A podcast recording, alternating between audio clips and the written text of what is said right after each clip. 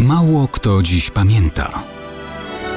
Datownik historyczny prezentuje Maciej Korkuć.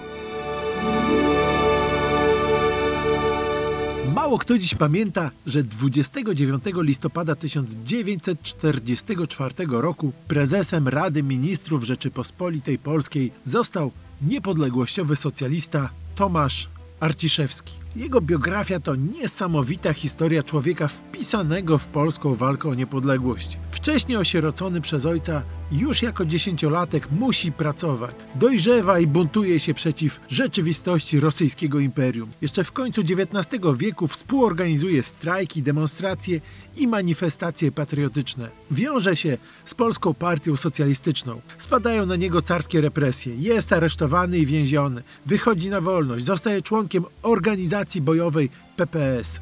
Organizuje bunty chłopów, uczestniczy w zamachach na funkcjonariuszy mundurowych rosyjskiego imperium. Jest jednym z podkomendnych Piłsudskiego w słynnej akcji w Bezdanach na rosyjski pociąg pocztowy. W czasie wojny idzie do legionów.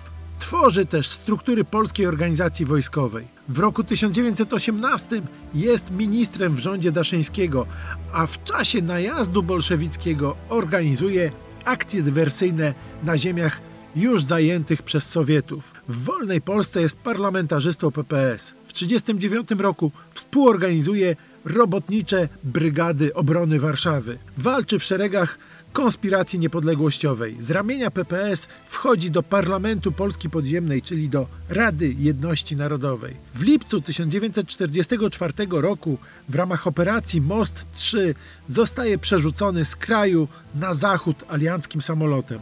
Po ustąpieniu Mikołajczyka zostaje premierem Rzeczypospolitej. To jest podły czas.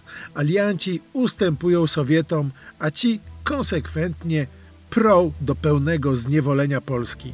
Protestuje Arciszewski w imieniu kraju przeciw Jałcie.